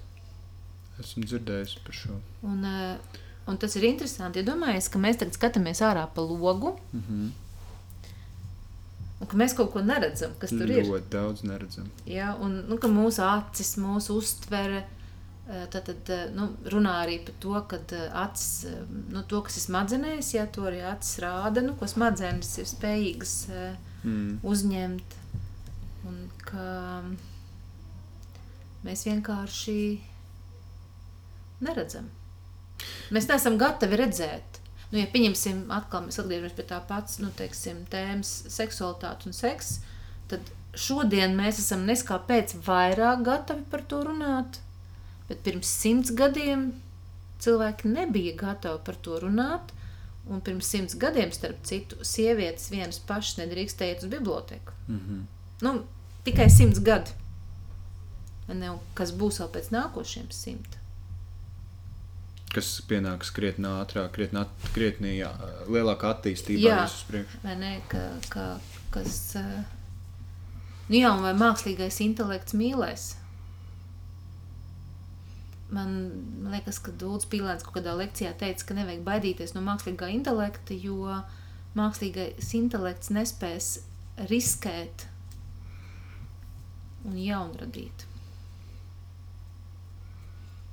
Vai viņš spēs mīlēt? Un tas ir tas, kas te pats stāv priekšā. Nu, kaut kādā ziņā jau mākslīgais intelekts ir veļas mašīna. Jā, Nu, ja mēs tā paskatāmies, Jā, jā, vai ne? Tad vai, vai, vai, vai veļas mašīna mīl, nezinu, bet es noteikti mīlu veļas mašīnu. mm -hmm. Jo veļas mašīna man dara labu. Man, es atceros, atceros laikus kaut kādā e, pamatskolas klasē, kas nāca mājās no skolas sestdienās, jo bija jāmācās arī sestdienās, padomu laikā. Un es atnācu no mājām sestdienā, bija īsā diena, kaut kāds 2, 3 vai 4 stundas, un manā mamma mazgāja veļu. Tur bija Rīga astoņi, tur bija katli, kuros bija samērktas palagi un veļas, tur vārīja un mazgāja. Un pavisam nesen, ja manā mamma pavadīja pusi sestdienu, lai e, izmazgātu veļu visai ģimenei. E, tagad, e, šodien, vispār man vīrs visu to dara. Mm -hmm. Piedāvā veļas mašīnā. Nu, tāds milzīgs pārmaiņas, ja, kas, e, kas e, vispār arī lauž priekšstats par daudz un dažādām lietām, un iespējams arī izmainās it kā tā pamatmīlestība paliek tā pati. Vai mīlestība šodien, padomu laikos, un Sokrātam bija tā pati? Nu, es Sokrātu vienkārši tāpēc, ka man viņš patīk. Tas bija kaut kāds laiks, 500 gadi pirms mūsu ēras. Es domāju, ka pamatu pamatos ir tas patīk, nepatīk. Vai man dara labu vai sliktu. Bet laiki citi. Tas iespējas citas. um, Citādi par to runājam. Citādi, mēs jā, citādi par to runājam. Un es domāju, viennozīmīgi tas, ka mēs par to runājam, citādi ir sievietes faktors, ka mēs esam brīvāks. Un uh, manā skanā lekcijā kāds teica, ka jā, tieši tas sievietes brīvība ienes milzu pārmaiņas visā sadzīvē un droši vien arī mīlestībā. Jūs kaut kādu savu enerģiju nesat visam. Es nedomāju, ka tā ir enerģija. Es domāju, ka tas ir saistīts ar to, vajag un patīk. Jo nu, mazs piemērs, tāds maz, maz, mazītiņš piemēriņš atkal par padomu laikiem. Ļoti bieži cilvēki apprecējās, jo vajag. Mm -hmm. Mūsdienās tas ir beidzies. Nu, sievietes brīvas, viņas var. Nu, sievietes tās, kas izvēlās vīriešiem. Viņas izvēlās, kāpēc viņas izvēlās? Tāpēc, ka nu, viņas noskata potenciālos bērnu tēvus neapzināti. Nu, vai viņš varēs, vai viņš vai tur viss kārtībā, vai viņš spēs. Um, tagad viņām varbūt nav tik svarīgi, vai viņš spēs. mm. tur, tur daudz citi tādi elementi ieslēdzās, kas izmaina visu to, to, to ierasto kārtību un ierasto vidi. Es tieši nesen pie šī, šādas atziņas nonācu, ka, ka, ka sievietes ir tās, kas izvēlās vīriešus. Uh, vīrietis varbūt izvēlās viņu, kurus, kurus sievietes aplidot, kādiem paņēmieniem un tam līdzīgi, bet viņas ir tās, kas pasaka jā vai nē. Un, tad, uh, un par to domājot, uh, es sapratu, ka bieži vien uh, vīrieši izmanto tādus paņēmienus, kas mēdz sievietes maldināt. Ka viņiem tur ka viņi ir tie potenciālie, ka viņi ir tie labākie viņu, viņu dēļ, un ka sievietes vēl nav tik, vai meitenes vai sievietes, kas nav tik vēl labi izstrādājuši tos savus filtrus, kā, kā redzēt, vai tur tiešām viss ir tā vai nav. Bieži vien pasakā, jā, vēl par to, par to nedomājot, un, un tad viņš nonāk visādās situācijās. Nu jā, bet jautājums tā, vai seksuālā, dabiskā ziņa ir mīlestība vai nē? Mm -hmm. Tā ir vienkārši ziņa, vērošanās ziņa. Nu, pasaulē jāvērojās, un tā ir iebūvēta ziņa, seksualitāte. Un, uh, cik daudzos gadījumos no ziņas ir mīlestībā tādā, nu, ka tas ir apusēji, ļoti dziļi, piesātināti, garīgi. Ja, tas arī tāds, nu, jautājums, bet, ja mēs paskatāmies no visuma viedokļa, nu, tā ir visuma mīlestība, ka tam bērnam ir jārodās. Mm -hmm. Tā ir visuma mīlestība. Visuma mīlestība vēlās, lai bērns būtu, un nevienmēr viņš rodās varbūt tās kaut kādā tādā izpratnē par mīlestību, kā mēs iedomājamies, kas ir mīlestība, kad rodās bērni. Mm -hmm. Jā, tas eh, nu, atkal ļoti tāds um, um, interesants jautājums. Uh, es domāju, ka par to ir ļoti daudz spekulāciju. Par uh, kā tas īsti ir, kurš kur izvēlās. Un, un, un, un dažādās kultūrās ir ļoti dažādi, un tam ir saistība, saistība noteikti arī ar kultūru. Mm -hmm. Jā, piekrīt. um, un, nu, piemēram, Indijā vēl joprojām ir ciemati, kuros ir daudz vīrība. Kā tas strādā? Par to gan es neesmu dzirdējis. Ir, tā tad ir sievietei vairāki vīri. Tas droši vien ir saistīts ar uh, to, ka dabiskā veidā ir uh, sieviešu vairāk nekā vīrieši. Piemēram, Latvijā sieviešu ir vairāk nekā vīrieši, un tam ir kaut kāds seks. Savukārt Indijā ir otrādāk, sieviešu ir mazāk, vīriešu ir vairāk kaut kādu iemeslu dēļ. Nu, un tiem vīriešiem, nu, lai viņi izdzīvotu, lai viņi būtu liederīgi, viņiem pilnīgi dabiski šķiet, ka vienai sievietei ir četri vīri un bērni ir kopīgi. Un katram tur ir sava loma un kārtība, un viņiem tas neliekas nekas ārkārtējs. Tāpat mm -hmm. tās var būt tās, kā neliekas ārkārtējs musulmaņu ģimenēs, kad ir vairākas sievas, viena vecāka, viena jaunāka. Tas, jā, nu, tās atšķirības. Es, es parasti šo salīdzinu. Un, tā ir kultūra, un tas nav ne jā. labi, ne slikti. Tā, tā, ir. Cil, tā ir. Cilvēki ir pieņēmuši dzīvot, un, un es domāju, ka tas pat ir labāk nekā varbūt, kad ir. Um, si- sieva, vīrs un mīļākā vai mīļākais. Mm. Jā, jo tas atkal ir tik slēpti. Tur galīgi nav mīlestība. Jā, jā, jā, jā. tas ir Tu noklusē kaut ko kaut ko noklusē, nepasaka. Viens cieš, otrs cieš, bērni cieš. Te viss ir zina, ka kādām kārtīm spēlē, un visi zina noteikumus. un Jā, tā jā, nu, uz, uz savu veidu kārtība ir mīlestība. Mhm. Kā Ziedonis saka, laime ir visu lietu kārtība. Un laime noteikti ir mīlestība.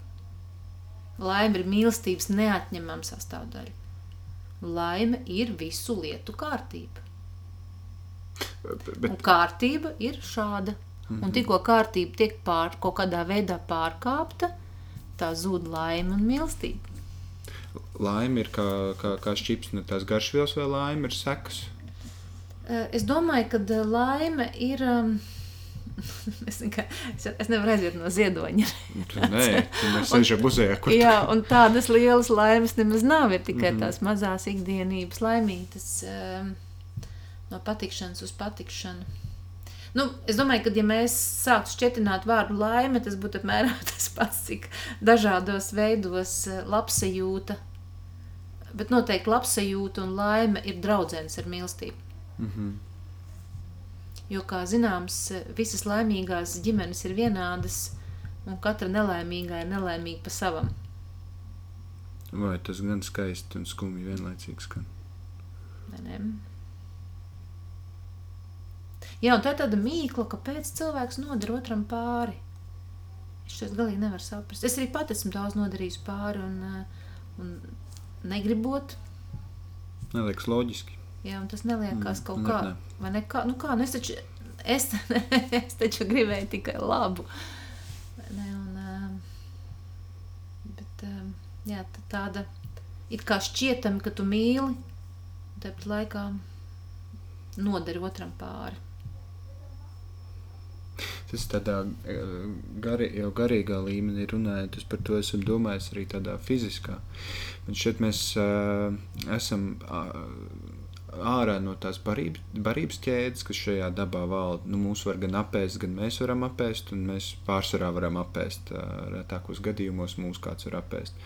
Un tad, lai mēs šajos dabas likumos kaut kādā veidā ietilptu, mums pašiem nācās izveidot savu barības ķēdi, kur loģiski šajā pasaulē un šajā dabā ir loģiski, ka vājākais nogalina stiprāko nodara pāri. Un tādā veidā tas cikls kaut kā turpinās, tad mums vajadzēja atrast kaut kādu savu. Un tad mēs pēc kaut kādiem mistiskiem noteikumiem, kurus mēs paši droši vien nevaram vārdiski nodefinēt, bet jūtam, vai visums mūs tur tajos ieliek, vai daba mūs tajos ieliek. Mēs sev viens otram darām pāri, kas neliekas Jā, loģiski. tas ir tajos 95%, ko mēs nespējam Jā. Jā. izskaidrot. Es atceros, vienreiz bija situācija, ka kaut kādā Holandas krodziņā eh, mani uzrunāja viens amerikāņu profesors, kurš eh, universitātē studēja par indiāņiem. Atkal indiāņu tēmu vienotreiz. Mhm. Un viņš prasīja, kādā valodā es runāju. Es teicu, latviešu. Viņš teica, man jau bija aizdomas, ka jūs esat latvieti, nu, balti. Tā, tā baltu valoda. Un viņš teica, ka viņš ir pētījis, ka tad, baltu valoda ir ļoti sena indoeiropiešu valoda, iespējams, viena no senākām. Un, eh, kā tas tā var būt, ka mums tik nelielai valodu grupai ir izdevies izveidot divas valstis? Latviju un Lietuvu. Tas ir neticams gadījums vispār nu, pasaules mērogā, jo indiāņu Amerikā miljonu ziņā ir daudz vairāk Mhm. nekā latviešu un lietuviešu kopā, bet viņi dzīvo rezervātos bez savas valsts. Un ka tas viena no idejām, kāpēc mēs to spējām, tāpēc, ka mūsos ir kaut kāds izdzīvošanas gēns, ka indiāņi tik ļoti pretojās, ka viņus tajā pretestībā, kas ir nemīlestība, sakāva. Bet tā mūsu spēja liekties, izdzīvot. Mēs izdzīvojam vācu verdzībā, izdzīvojam zviedru, krievu, vēlreiz krievu. Un kaut kādā veidā mēs mistiskā kārtā izdzīvojam.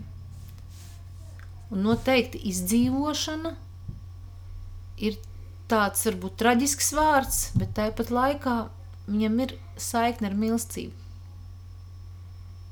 Tā ir mīlestība dzīvot ilgtermiņā. Un tas ir tāds lēmums, vai nu tu um, teva vērtība ir um,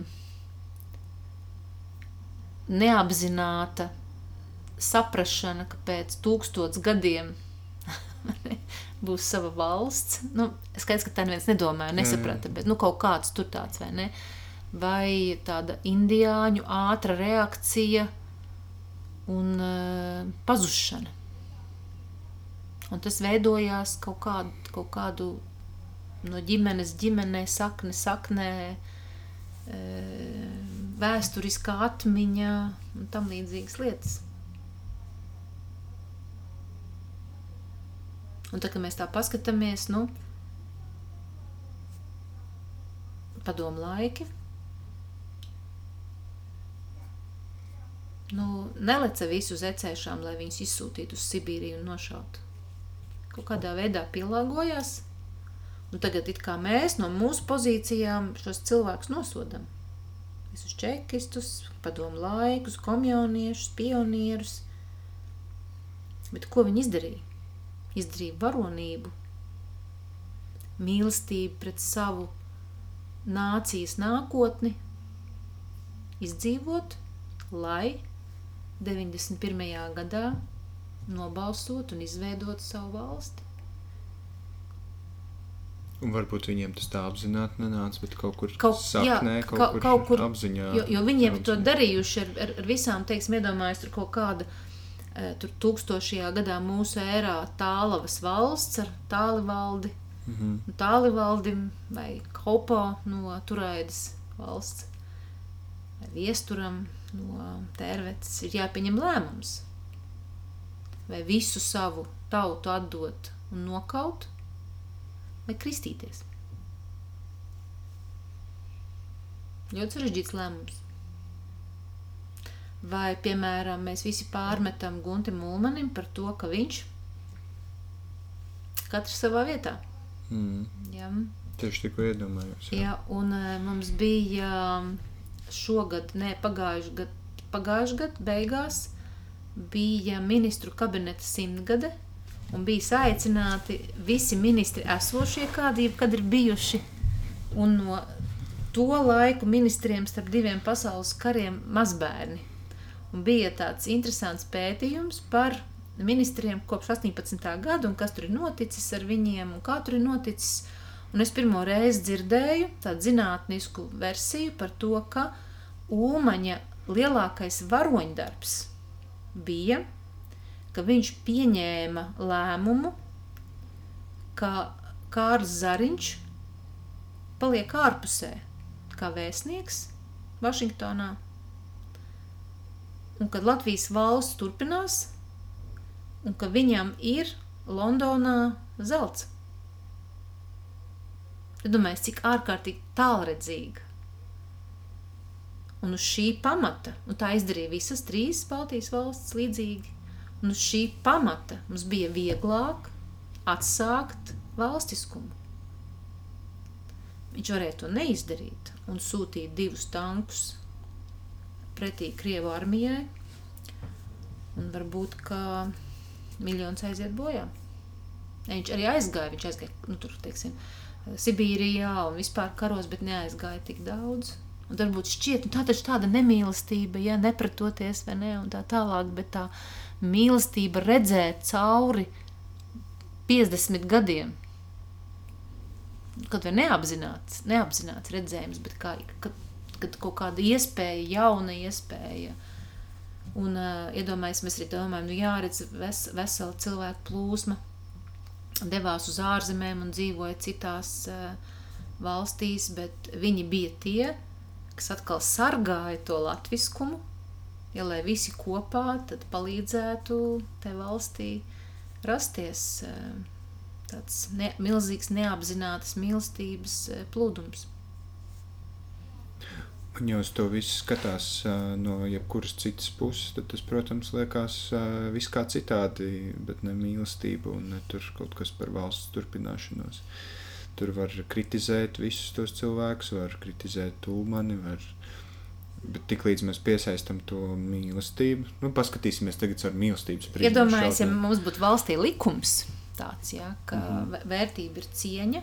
Nu, mīlestība grūti par vērtību nosaukt, tāpēc ka viņi ļoti grūti viņi ir interpretējami, bet cieņa un visu laiku ar to cieņas prizmu mm -hmm. skatīties. Uh, nu, vai, kā jau es teicu, runāt par to, kāda ir cilvēka labklājības mēraukla cik labi mēs jūtamies.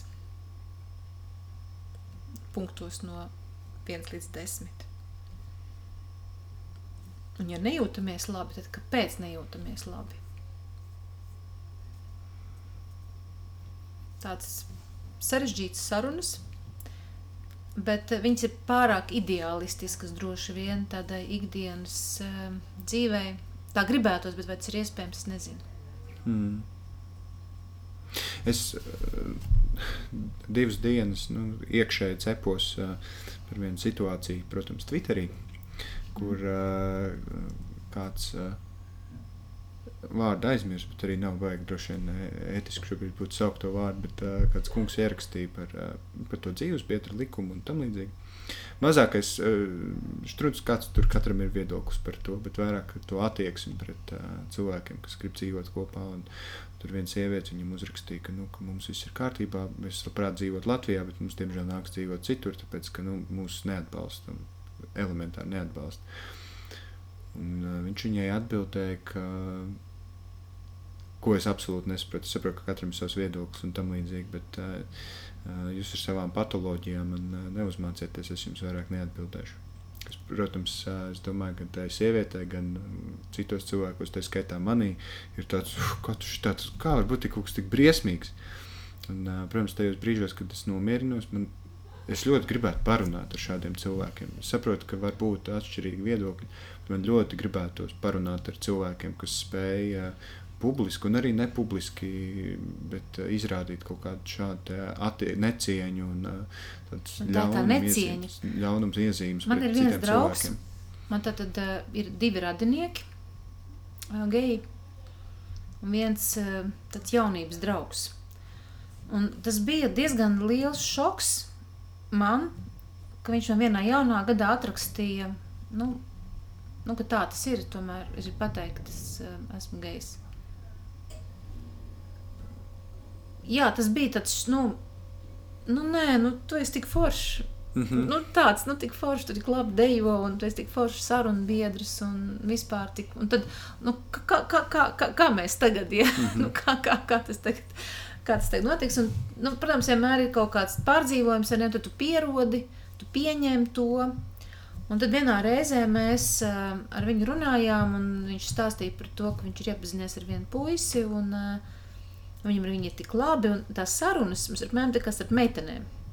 Nu, e, un, e, un tad viņš stāstīja par to, ka viņš tika piekauts, tas viņa draugs, un ielikts slimnīcā, un viņš nevarēja viņu apciemot. Un es, es, es biju tik par šo faktu tik ārkārtīgi pārsteigta. Viņi dzīvo kopā, viņi viens par otru rūpējās. Un, uh, Un, eh, un es domāju, ka šis cilvēks, kurš šādā veidā runā, viņš nav pats pārdzīvojis nu, tādu pārdzīvojumu, kā tas ir. Kad nu, ir tāda nosacīta, nenosacīta tieša netaisnība. Un, um, viennozīmīgi man ir skaidrs, pilnībā simtprocentīgi, ka tas ir cieņas jautājums par to, lai katram cilvēkam ļautu dzīvot cieņpilnu dzīvi. Un cieņpilna dzīve noteikti ir apmeklēt savu dzīves draugu slimnīcā, un noteikti cieņpilna dzīve ir saņemt mantojumu, ja tu esi kopā veidojis uh, saimniecību. Nu, es tikai kaut kādas divas lietas, bet tur ir vairākas tās lietas, Un, eh, jā, un kāpēc cilvēki to nesaprot, es tiešām nesaprotu. Bet iespējams tās ir bailes. Tās ir tās bailes. Kā tas tagad būs tā? Ja kā, kā, kā tagad? Vai, no padomu laikiem, ka par to lika cietumos. Un, un tomēr jau, nu, tas, tas ir atšķirīgi. Nu, atšķirīgs dzīvošanas veids, un tās ir bailes. Jā. Es godīgi sakot, domāju pie sevis, tad, kad eh, attīstībai par uzsāka, uzsāka šo likumu par kopdzīves, nu, ka tas tāds laba, labs kompromiss, nu, ka tam visi piekritīs. Un bija ļoti pārsteigta, ka nepiek, es ar konservatīvu cilvēku nepiekrīt. Es to varu saprast, bet uh, man likās, ka vairākums saimnes to atbalstīs. Man tā šķiet, es, ne, es sapratu, tur, teiksim, ka var uh, neatbalstīt ebreju īpašumus. Tas man ir skaidrs, bet par šito es biju gandrīz drošs, kad uh, atbalstīs. Un atkal tas naids, kāds par to gāzās? Un tā ir tā cilvēka necieņa, ka tu necieni otru cilvēku. Vienkārši necieni. Man vienam draugam ir tāds foršs teiciens, ka komunikācija izglābs pasauli. Um, un es absolūti piekrītu, nebiju to nekad tā nodefinējis, bet uh, man arī šķiet, ka vienmēr ir vienkārši jārunā par šīm lietām. Kas mani uztrauc, uh, ka cilvēki negrib runāt. Nu, ja es, es, piemēram, uzrakstītu jebkuram no tiem, kas balsoja pret, vai, vai, vai tam džekam, Twitterī un vēl vieniem cilvēkiem, kas internetā izsaka kaut kādas ne, ļoti negatīvas viedokļus, ka neviens negribētu nākt runāt par to. Um, nu, ne, šī, nu, zini, kā ir, uh, tu esi ievērojis, ka mazi bērni iemācās nelikt uh, rokas pie gludekļa un krāsniņas. Mm -hmm. Otrais neliek, ka vienreiz ir karsts, ja tad tas jau ir tā, nu, ka cilvēki negrib nu, saņemt kaut kādas uh, lamas un visu kaut ko, un tāpēc viņi nerunā. Es, es, es, es uz to skatos tā, ka man absolūti negribās nevienu lamāt Man gribētu saprast, es gribu saprast, kas, kas no es gribu pajautāt tev. Kā... Nu, labi, tu pajautās, viņš teiks, idiots, tu esi un tālāk. Ko tu jautā, kas tur nav skaidrs? Viņš to teiks. Viņi ir slimi. Nu, tu, tu, ko tālāk teiks? Teiks, nē, nav slimi. Es arī nedomāju, ka ir slimi. Nu, un tālāk.